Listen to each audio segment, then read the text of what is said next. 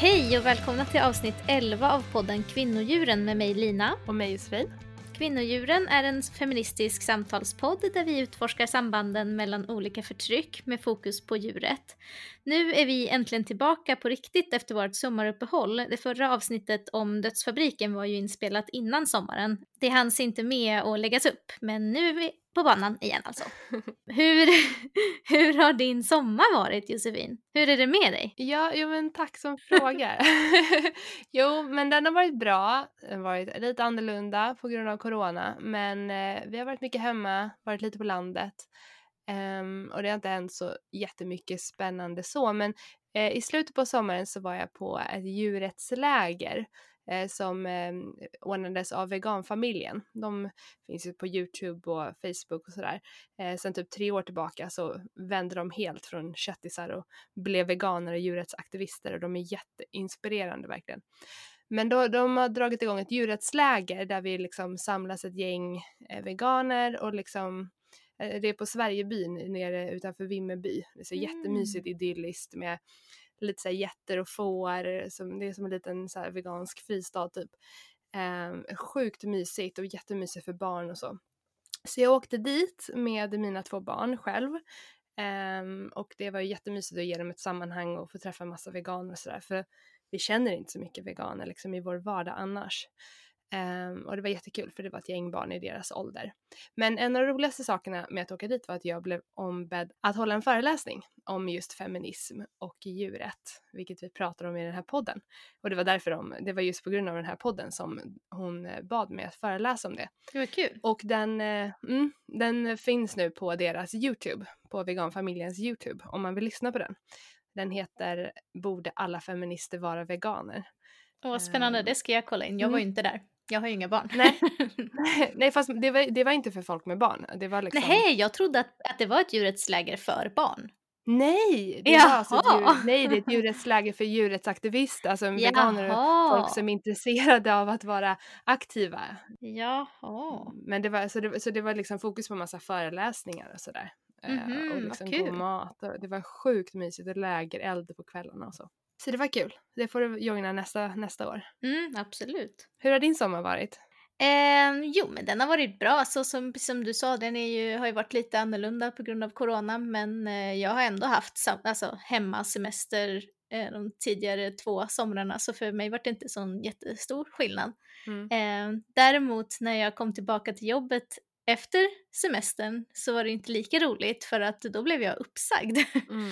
så eh, nu är jag arbetslös och det är inte jätteroligt. Nej, det förstår jag. Eh, också då på grund av eh, corona, så arbetsbrist. Men eh, jag ser det som att eh, nu finns det lite mer tid, kanske en liten stund framöver för podden och andra saker som jag vill göra liksom. Mm. Och sen så får jag väl hoppas att eh, jag får något jobb igen.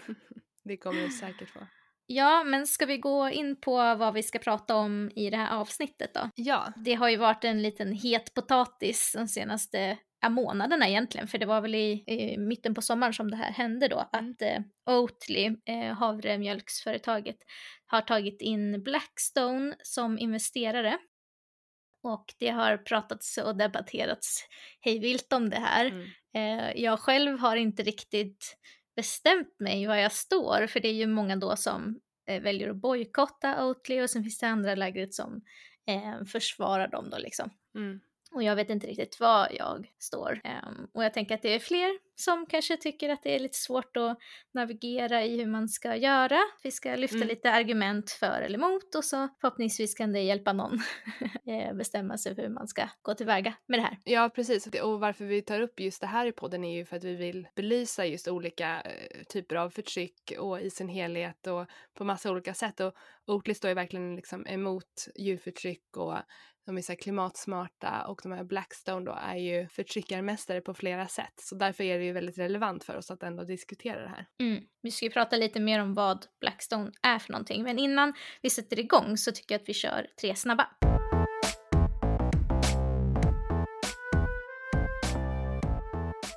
Fruktsmoothie eller grönsakssmoothie?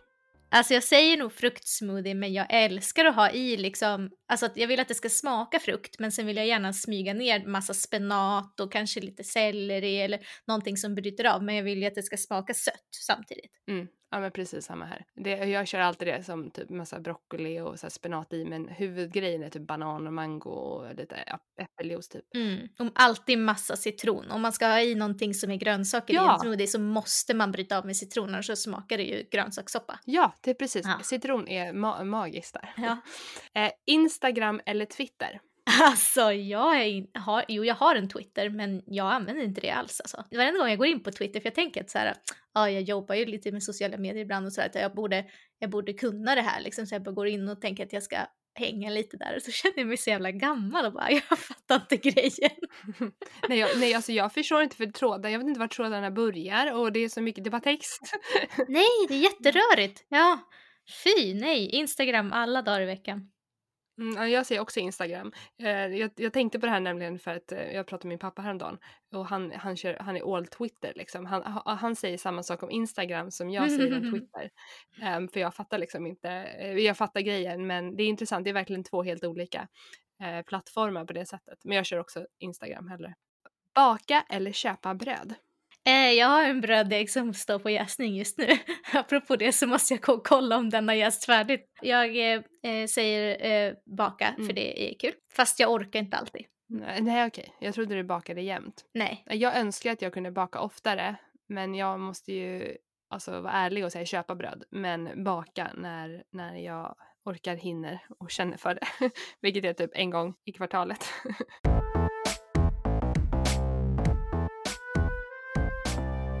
jag läste på Breakit häromdagen en artikel om det här och de skriver då Tog in Blackstone som ägare, nu växer bojkotten mot Oatly. Det är alltså då i somras som det amerikanska riskkapitalbolaget Blackstone klev in i den svenska havremjölksuccén när de investerade 1,8 miljarder kronor i Oatly. De köpte alltså upp eh, 10 av bolaget då. Och det här är ju inte första gången som Oatly tar in ägare vars verksamhet strider mot deras värderingar. För i 2019 så fick de ju kritik när de tog in det kinesiska bolaget China Resources som delägare. Nu har det alltså blossat upp eh, debatt kring att de har tagit in eh, Blackstone. Eh, vi kan väl prata lite mer om, om vad Oatly säger om det här, eh, men de har då svarat i den här eh, artikeln från Breakit bara lite kort att ett bolag med ett helhjärtat hållbarhetsengagemang har inte tid att vara små. Vi måste växa vår verksamhet så att vi kan utöka vårt avtryck. Mm. Och det är ju det som har hänt då, då. Men vad är egentligen Blackstone? Ja, men jag kan väl ta upp den sidan av myntet helt enkelt. Vilka Blackstone är och varför de är så dåliga. Och eh, argument för att folk vill bojkotta Oatly. Eh, Blackstone det räknas som världens största investerare. Eh, de är en så kallad hedgefond, alltså en värdepappersfond som har ganska fria regler kring hur de kan investera sina pengar för att få avkastning. Och de kallas ju därför för ja, riskkapitalister.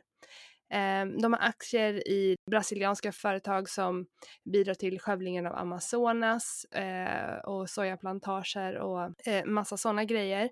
Och Blackstones VD Steven Schwartzman är en av de största donatorerna till den amerikanska presidenten Donald Trumps återvalskampanj. De har gjort investeringar och renoveringar i svensk förort som har lett till extrema hyreshöjningar och även i många andra länder då generellt investeringar i fastigheter eh, som leder just till ohållbara hyreshöjningar så att folk inte kan bo kvar och därmed är det ett hot mot grundläggande mänskliga rättigheter som ja, att ha någonstans att bo helt enkelt. Och eh, ett stort problem är ju då att pengar som de tjänar på Oatly förmodligen investeras i de här andra eh, dåliga grejerna helt enkelt som inte går i linje med Oatlys etiska profil. Matfusket på Facebook skrev en del om varför vi ska bojkotta just Oatly. De menar på att om Blackstone tjänar pengar på att riva, riva ner vill man då ha deras pengar för att bygga upp. De undrar vart gränsen går och när pengarna blir alltför smutsiga. Och de avslutar med att kan man sälja sin själ och ändå behålla den? Och vi kan väl diskutera det lite mer senare. Men en del också av det här med till exempel sojan i Amazonas som odlas där och som är ett väldigt stort miljöproblem. Det är ju liksom soja som används för att göda just grisar, kycklingar och fiskar i den här gigantiska djurindustrin som Oatly ändå har byggt upp sitt varumärke kring att markera emot. Så det är ju liksom väldigt ja, motstridiga faktorer i, i hela den här debatten. Och sen så Oatly tror sig på något sätt kunna påverka världens största kapitalfond med det här argumentet emot att man vill bojkotta Oatly. Eh, inte tycker det är troligt, att det är nästan löjligt att de tror att de ska kunna påverka de här. Det är ju bara en liten investering i deras stora verksamhet. Men det finns ju mycket argument på andra sidan också för att fortsätta ändå köpa Oatlys produkter. Mm, jag har läst lite grann på Oatlys, eh, vad de själva säger och sen så har ju eh, Gustav eh, Johansson som mm. driver Jävligt Gott, eh, han har skrivit precis som matfusket, eh, ett långt eh, inlägg på sociala medier om varför man då inte bör bojkotta Oatly.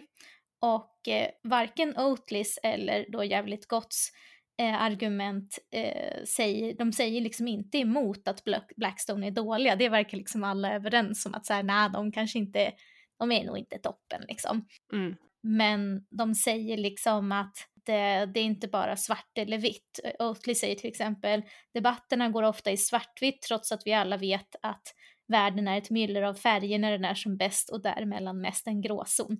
Och det verkar som att det här är liksom en gråzon enligt då de här i Jävligt Gotts inlägg så börjar han med att förklara långt, långt, långt om att vi måste ställa om till vego och eh, att det finns olika sätt som är olika effektiva där och han har provat många och det enda som han tror är att göra det lätt för folk att göra rätt. Han skriver så här att majoriteten är för upptagna för att hinna sätta sig in i sakfrågan. De är för fokuserade på annat för att ens uppfatta att det finns ett problem eller för fasta i sina gamla hjulspår för att orka eller ens vilja förändras. Där är ju Oatly inne på samma spår att så här, om vi ska lyckas med det här liksom, målet som de har, till exempel det här att eh, halvera de globala växthusgasutsläppen innan 2030, då är liksom det här att vända sig till de stora spelarna är typ det enda som kommer funka. Och eh, Jävligt Gott säger också att det är inte konstigt att företag som Blackstone vill investera i den här typen av företag för att det går ju jättebra för ja, men hela vegobranschen eller vad man mm. ska säga. De skriver att Beyond Meats börsintroduktion var en av de mest framgångsrika någonsin på Nasdaq-börsen så det är liksom inte konstigt alls att de vill vara med och ha en bit av den här kakan liksom för att de är ju investerare, de vill ha pengar liksom. Mm. Det är nog inte så troligt att de är intresserade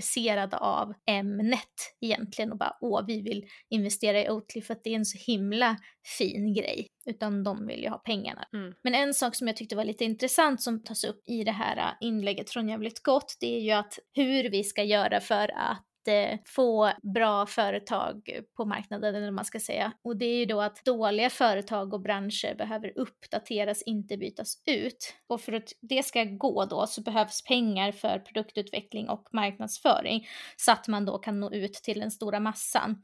Oatly skriver också på sin eh, sajt där att eh, deras strategi är då att, att de måste nå ut till stormarknader och sånt på ställen där många kan ta till sig det. Så att de vill inte liksom bara finnas på eh, liksom obskyra hälsokostbutiker och sånt, utan för att vi ska lyckas med den här stora omställningen så behövs det vara väldigt lättillgängligt mm. och då behövs de här pengarna då, säger de. Och Jävligt Gott säger också att det är inte så troligt att små, inom citationstecken, helgoda företag skulle ha möjligheten att ersätta alla de dåliga. De skriver också att eh, världen bygger på smutsiga pengar, om det, det nu det skulle vara ett bra argument.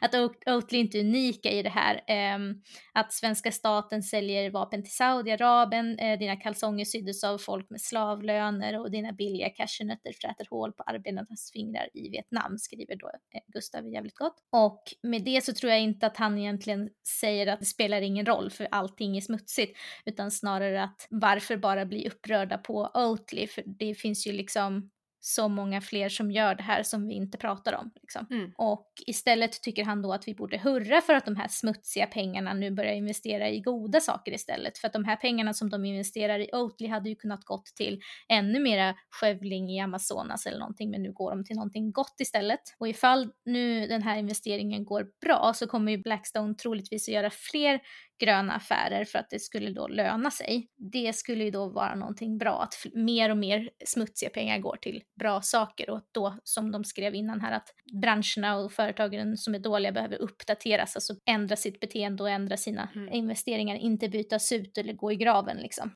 Sen så skriver de, apropå det här, eh, du sa att eh, man var rädd att eh, de skulle ta över Oatly, att Blackstone skulle ha något inflytande Precis. Eh, på Oatlys verksamhet. Och jag letade lite grann ifall det fanns någonting om det i Jävligt Gotts inlägg och på Oatlys sajt, men de säger inte så mycket om det, mer än att så här, det vore inte troligt att Blackstone skulle ha något inflytande. Ja, men jag, jag läste i någon av de första artiklarna som skrevs, ett svar från Oatly, att ledningen är intakt och att i ledningen inte liksom alla som sitter i styrelsen då, så alla som har aktier i bolaget mm -hmm, som okay. styr. Så att de som investerar i Oatly gör det på premissen att ledningen mm. som är då typ grundaren och alltså de som, ja. alltså det svenska företaget som, alltså de får fortsätta driva företaget på sitt sätt. Mm. Och det tyckte jag kändes som en, som en viktig eh, poäng i det. Ja precis, väldigt viktigt eh, att veta hur det ligger till med det liksom, vad de har för mm. inflytande. Men det får ju gärna förtydligas ännu mera kanske då från Oakley. Ja exakt, det tycker jag också. Och äh, jävligt gott säger och varför skulle de vilja gå in och ändra på någonting som de har, alltså de har ju investerat för att det går bra för Oatly, så varför skulle de vilja in och ändra i någonting?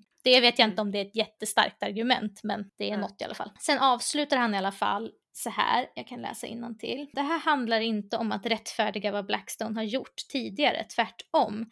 Det handlar om att vi måste ställa om hur vi i grunden producerar mat här i världen och då har vi inte förmånen att sitta och vänta på att de gamla dåliga företagen ska göra avbön och bli 100% snälla för att vi ska kunna jobba med dem. Då handlar det om att ta fram hållbara och bättre affärsmodeller och sen spela spelet så att de gamla företagen tvingas att förändras när deras gamla affärsmodeller utkonkurreras. Det är vår enda chans om vi ska göra detta snabbt nog med de existerande spelreglerna.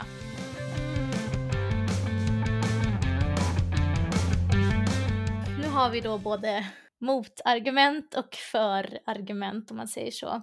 Mm. Har du landat någonting mer i den här frågan? Efter att vi har läst på om det? Ja, precis. Ja, både du och jag var ju liksom, visste inte alls vad vi skulle tycka. För vi kunde inte så mycket om det här innan. Nej precis, jag skrev ju det här till dig efter sommaren att jag tyckte att vi borde ta upp det här i ett avsnitt just för att jag kände att så här, jag har kompisar hit på ena sidan som ska bojkotta och sen på andra sidan som nästan liksom mm. ska stötta Oatly och jag kände bara att jag behövde göra ett deep dive i ämnet och se vad de båda sidorna faktiskt säger, liksom faktagranska vad de liksom håller på och tycker och eh, försöka bilda mig en egen uppfattning. Och alltså, jo, jag känner nog att jag har eh, landat i vad jag tycker känns rätt och jag, jag kommer inte, tror jag, att eh, bojkotta Oatly. Jag tycker att jävligt gott, alltså Gustavs sammanfattning är, är ganska tydlig och jag tror ändå att det stämmer. Alltså jag, jag tänker att just i dagsläget så, så känns det ju fel och Blackstone är ju verkligen inga good guys.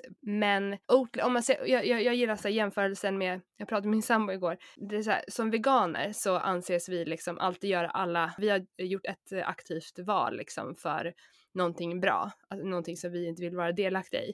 Men jag kan ofta bli anklagad för liksom massa saker som jag gör dåliga liksom, som mm. jag kanske borde göra då som vegan. Som att typ så här, men du som vegan som bryr dig om planeten, varför köper du tomater i en plastlåda eller mm, ja. Man förväntas vara 100 procent. Mm. Ja, precis. Man måste vara 100 procent liksom på allt. Det är klart att alltså, jag gör ju mitt bästa för jag vill verkligen genuint ha ett lågt klimatavtryck och inte liksom ge pengar till företag som är för, dåligt för mänskliga rättigheter eller klimatet eller eh, djur liksom. Mm. Men det är väldigt svårt att göra det 100% rätt och då blir det liksom när, om jag anklagas bara för att jag är vegan av någon som både äter kött och kör bil och liksom gör massa saker som är dåliga för miljön, då blir det väldigt skevt. Mm. Och jag tror liksom, vi, vi kanske borde granska så här, Alpro och eh, Planti och alla andra så här vegoföretag som har pengar från säkert en massa olika investerare och ägs av större företag som producerar kött. Folk håller på att bojkotta Oatly och sen så istället köper ICAs egna eller Coops egna havremjölk eller eh, mm. något sånt där. Och så här, ICA har ju till och med fortfarande burhöns, mm. ägg från burhöns och de säljer ju mängder med liksom animaliska produkter och djurkroppar. Så jag menar, det, det, är problematiskt att göra helt rätt och det är lite tokigt att bara för att Oatly har gått så i framkant för den här kampen mot mjölkindustrin och mm. liksom verkligen lyft det här som är så viktigt som de gör, då får de också väldigt mycket skit. Men de är ju också så stora så att en sån här investering är liksom intressant och möjlig och därför så blir det sånt liksom snack kring det. Mm. Så, så det är typ så som jag resonerar. Jag tänker så här, långsiktigt så så får världen se att det går att tjäna pengar på gröna investeringar och hållbara veganska produkter mm. och att det får liksom ringar på vattnet och det i sig tycker jag är positivt.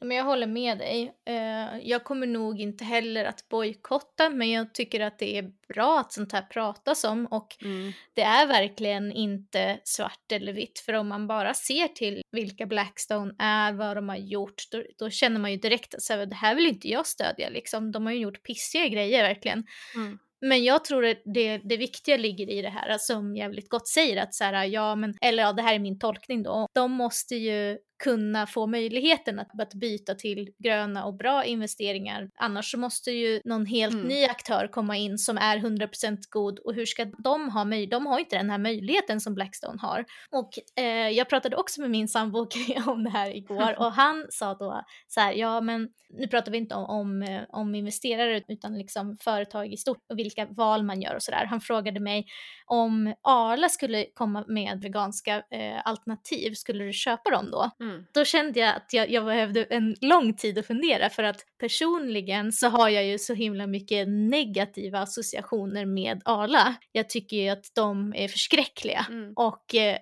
då vill jag ju direkt säga nej, aldrig i livet skulle jag vilja köpa någonting av dem. Men när man tänker lite längre så skulle man ju, om de ställer om till grönt, det jag vill är ju inte att bönderna och Arla, alla som jobbar på Arla ska förlora sina jobb och inte ha något att göra, Nej. utan jag vill ju att de ska förändra sig. Jag vill ju att de också ska fatta att det de gör är dåligt så att de kan börja göra någonting bra istället. Inte att de kanske ska inse att de gör något dåligt och sen då ska det bara gå dåligt för dem. Det är inte det jag vill. Nej. Så att om de skulle börja göra vegetabiliska alternativ så skulle ju det vara en positiv sak. Mm. Alltså jag tycker så illa om dem så att det skulle ju vara svårt för mig att känna att det skulle vara okej okay att köpa dem. Å andra sidan så köper jag ju Valli och Oddly Goods produkter hela tiden och Valli är ju typ Finlands Arla. Mm. Det har, jag tror att det har mycket har att göra med vad man har för personliga liksom, kopplingar till de här företagen. Om jag skulle varit den som har blivit vräkt typ för att Blackstone har varit med och fifflat så att jag inte kan ha råd att bo där jag bor. Alltså då har man ju en personlig koppling till dem mm. och då skulle det nog vara svårare att, att, se de här andra fördelarna som skulle kunna komma med Oatlys, den här investeringen till exempel. Men jag menar, Eh, om man ser det till exempel då till att Arla skulle börja producera typ havre eller eh, andra vegetabiliska drycker, då skulle det ju behöva liksom komma en efterfrågan på det också så visa mm. oh, vi vill ha det här, bra Arla, kämpa på. Det är på samma sätt som att KFC har ju börjat så här, servera typ några veganska nuggets liksom mm. och vi går ju och köper McVegan på McDonalds och alltså, jag lyssnar rätt mycket på olika Youtube-videos och bloggar och, och poddar och så när de pratar om det här för att det är ju företag som verkligen exploaterar och utnyttjar och dödar djur för för, för liksom, som mat och för att tjäna pengar på det. Men om vi inte visar att det finns en efterfrågan mm. på de här andra alternativen så fattar de inte att det är dags att ställa om. Liksom. Så jag tror ändå att det är väldigt positivt att vi visar att det finns en efterfrågan på den omställningen för att annars så, liksom, så händer sådana här saker som att ja, typ McDonalds lanserar en ve veganburgare och sen så var det ingen som ville ha den och då så mm. kommer det komma någon så här. Vad var det vi sa? Ja, vad var det vi sa? Det är ingen som vill ha det här. Precis, så därför så tror jag ändå att om man ser på det utan att lägga in sina egna värderingar så tror jag ändå att det är viktigt att köpa alla, alla typ veganska mm. produkter som finns på marknaden. ja. Att vi bara visar att den här efterfrågan finns och att vi som människor vill någonting gott i framtiden. Vi vill mm. ställa om just till växtbaserat och även då Arla, om de måste också få en chans då att ställa om mm. till växtbaserat. Det, jag, jag håller med dig om att det hade gått emot att köpa Arlas havremjölk men Eh, om, om den skulle komma så kanske jag i alla fall skulle ge den en chans. Och jag vet inte om det var jävligt, jävligt gott kommentarer. Det var någonstans som jag läste att i slutändan får vi bara låta kanske smaklökarna välja vad vi köper. Att det behöver inte vara en sån stor grej om vi köper Oatlys havremjölk eller Oddly Good eller Icas egna eller så, utan man får köpa den som man tycker är godast och om man vill bojkotta eller inte så, så kan man göra det. Men jag, nu låter jag kanske väldigt positiv, men jag tycker ju fortfarande, alltså Blackstone är ju, det är ju väldigt problematiskt mm. liksom bolag och det är inte som att jag tycker att det de gör är bra för det är fruktansvärt. Men om man ser till det stora hela och effekten som jag tror att det kan ha långsiktigt på hur världens liksom, företag och eh, kapitalister ser på gröna alternativ så tror jag ändå att det liksom är positivt så. Mm, men jag håller med. Men så finns det ju ett tredje sida av det här myntet också som är alla de här små vegoföretagen. Man vill ju inte att de ska försvinna. Det här med att stödja väldigt Nej. stora företag kan ju ha en, en, negativ effekt i att små liksom, uppstickare inte får chansen att uh, vara med och spela. Så jag tänker att om man inte vet vad man ska göra och man tänker hm, borde jag köpa det här, borde jag köpa det här. Jag tror inte att det bästa är att bara köpa från de stora företagen, typ Oatly eller ICA eller andra liksom jättar, mm. utan jag tror att det bästa är ju liksom sprida ut det lite grann, om man nu har möjligheten, mm. för att det är ju oftast så att de här stora kan pressa ner priserna, så att det kan hända att man bara har möjligheten att köpa dem. Mm. Eh, men har man möjligheten, typ jag kommer nog göra så att jag kommer att fortsätta köpa från vissa av de stora som jag gillar, men sen så kommer jag försöka att sprida ut det så att jag stödjer några av de små samtidigt. Mm. Ja, och, och, där går det också lite på smak. Mm. Att, jag, menar, så här, jag, jag, jag, brukar variera ganska mycket, jag köper ibland från Plant, ibland Oatly och ibland eh, mindre. Det har kommit någon väldigt ny också, lite småskalig havre. Mm, den här Havredals. Ja, precis. Mm, jag har inte mm. smakat dem än, jag har inte sett dem i någon affär. Men det till exempel Nej. känner jag så här, det är ett, ett nytt litet svenskt företag. Mm, absolut, mm. de vill jag ju stödja. Men det behöver inte betyda att jag slutar köpa allting annat. Mm, precis. En annan tanke bara som jag fick, bara tänker på, på miljön och att folk som vill köpa ekologiskt och sådär, småskaligt kanske, men att havremjölk eh, är inte så ofta ekologisk, det tycker jag bara är så problematiskt att det inte får berikas. Ja, det är så himla tråkigt. Men, men komjölk får vara berikad, ekologisk komjölk får vara mm. berikad och de får ju massa liksom vitaminer men, men inte växt, växtdrycker. Alltså mm. det är så här, jag, jag, vill egentligen ge så mycket ekologiskt som jag kan till mina barn men jag vill också ge dem, liksom, de älskar havremjölk så då vill jag ge dem som är berikade med liksom, B12 och, ja. och det, men mm. de, den får inte vara ekologisk så därför är ju det en väldigt massproduktion liksom just alltså på icke-ekologiska växtdrycker. Det tycker jag det är dags att ändra i lagen där. Ja det tycker jag också är, är dags men sen också så här att eh för det finns ju en debatt också kring att så här, men havremjölk det innehåller en massa socker, det innehåller inte lika mycket protein som komjölk. Men herregud, vem dricker mjölk eller havremjölk för näringsinnehållet? Det är väl ingen som gör det? Ja, jo, vadå, barn, barnen är inlurade att de måste det för att få starka Jag vet, men det har vi väl vuxit ifrån. Herregud, det fattar man väl att det inte har med det att göra. Alltså en vuxen människa dricker den verkligen mjölk, alltså ett glas mjölk för att tänka så här shit jag får inte i mig tillräckligt med protein om jag inte dricker den här mjölken. Eller en vegan som dricker havremjölk som tänker oj oj oj jag måste verkligen få i mig de här, äh, lilla, det här lilla proteinet som är den här äh, havredrycken. Det är inte det man tänker på. Man tänker mm, jag är sugen på varm choklad, nu ska jag ha någonting som är gott i det. Eller ah, okej okay, det är jättebra att den här är berikad med B12, då får jag i mig lite extra B12. Men det är inte de, de grundläggande, liksom så här, hur mycket socker, hur mycket protein, hur mycket fett. Det är inte det viktigaste eller? Nej, alltså det, en, ett problem är kanske, tänker jag, för laktovegetarianer som konsumerar exceptionellt mycket eh, liksom, mjölk och äggprodukter. Alltså så här, ost och så tänker jag, för ost är ju ändå liksom koncentrerad mjölk. Mm. Um, det tänker jag folk äter ju för, för protein. Eh, men kanske inte mjölk. Det, det, det, handlar ju snarare alltså om, om fel information som folk har. Alltså, ja. Speciellt det här med alltså, vad, vad barn och så får lära sig i skolan. Skolmjölksstödet som vi eh, och många, eh, alla andra länder i EU får. Eh, Sverige tar emot 90 miljoner varje år som då går som subventioner till olika skolor eh, så att de helt i princip då kan köpa eh, komjölk för det här för att ges, ge till barnen. Och, men man kan välja att låta de här pengarna gå till frukt istället. Och runt om i Europa så går det olika procent till frukt och komjölk, men i Sverige så går alla de här pengarna bara till komjölk. Ingenting går till frukt. Vem är det som bestämmer om det ska gå till frukt eller mjölk? Eh, jag vet faktiskt inte och jag, det här är något som jag har, jag har börjat grotta ner mig i på senaste så vi kan ju ta upp mm. det här i framtida avsnitt tänker jag. Men eh, det är i alla fall så det är, eh, har jag läst mig till. Eh, och för att få de här pengarna, för att skolorna ska få de här pengarna så måste de hänga upp planscher i, eh, skol, eh, i skolmatsalen som visar hur gott och härligt det är med mjölk och eh, nyttigt och bra.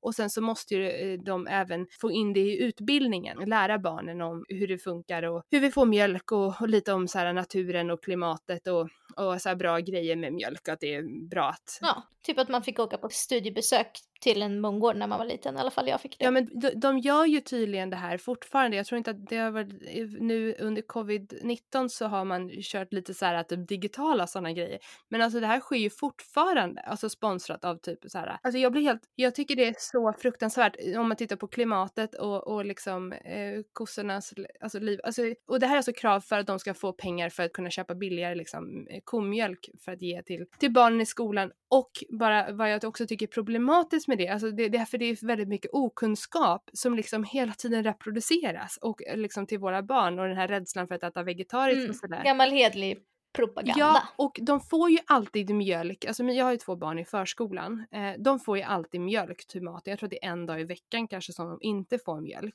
Och då får ju mina barn havremjölk. Och det är väl förmodligen, alltså de älskar att dricka havremjölk. Eh, och för alla barn sitter ju och dricker komjölk. Så det är jättebra tycker jag att de har någonting att dricka istället. Men vi behöver ju inte dricka komjölk eller havremjölk egentligen till maten. Det räcker gott och väl med vatten. Och, och, och komjölk eh, och havremjölk eh, innehåller ju kalcium som är väldigt dåligt för järnupptaget. Och barn behöver mycket järn. Det är väldigt liksom, viktigt och speciellt när man äter vegetabilisk kost så är det extra viktigt att verkligen se till att man får i sig järn från maten. Men eftersom att det är hemmaupptaget så, så när man serverar mjölk till luncher genom hela eh, liksom skolan och uppväxten så hämmar ju det järnupptaget. Mm. Jag är så irriterad på det här. eh, för det handlar om så mycket okunskap. och sen så, så här, investeras det och subventioneras det från EU liksom med miljoner varje år jag ska undersöka detta vidare och vi kan prata om det fler avsnitt framöver men jag ska försöka göra någonting åt detta. Mm, det låter jättebra. Tänk om de pengarna hade gått till att barnen fick en frukt efter maten. Mm. Um, istället för att öka järnupptaget och, och, och massa liksom, andra när, näringsrikt. Liksom. För, och folk tror ju fortfarande att vi behöver dricka komjölk. Mm. men det är bebisar som behöver dricka komjölk. Eller det är bebisar mm. som behöver dricka sin mammas mjölk. Det här är ju då en, en parentes, bara en kommentar till all fel information som fortfarande existerar ute i samhället och som Oatly ändå har varit väldigt bra på att kommentera och jobba emot. Vi behöver mm. de här växtalternativen för att det finns fortfarande en mjölknorm om att vi ska dricka någon form av mjölk och folk älskar ju sina latte och som du sa liksom varm choklad. Och det är inte som att vi ska sluta dricka det men vi kan ju lika bra göra det på växtbaserade drycker.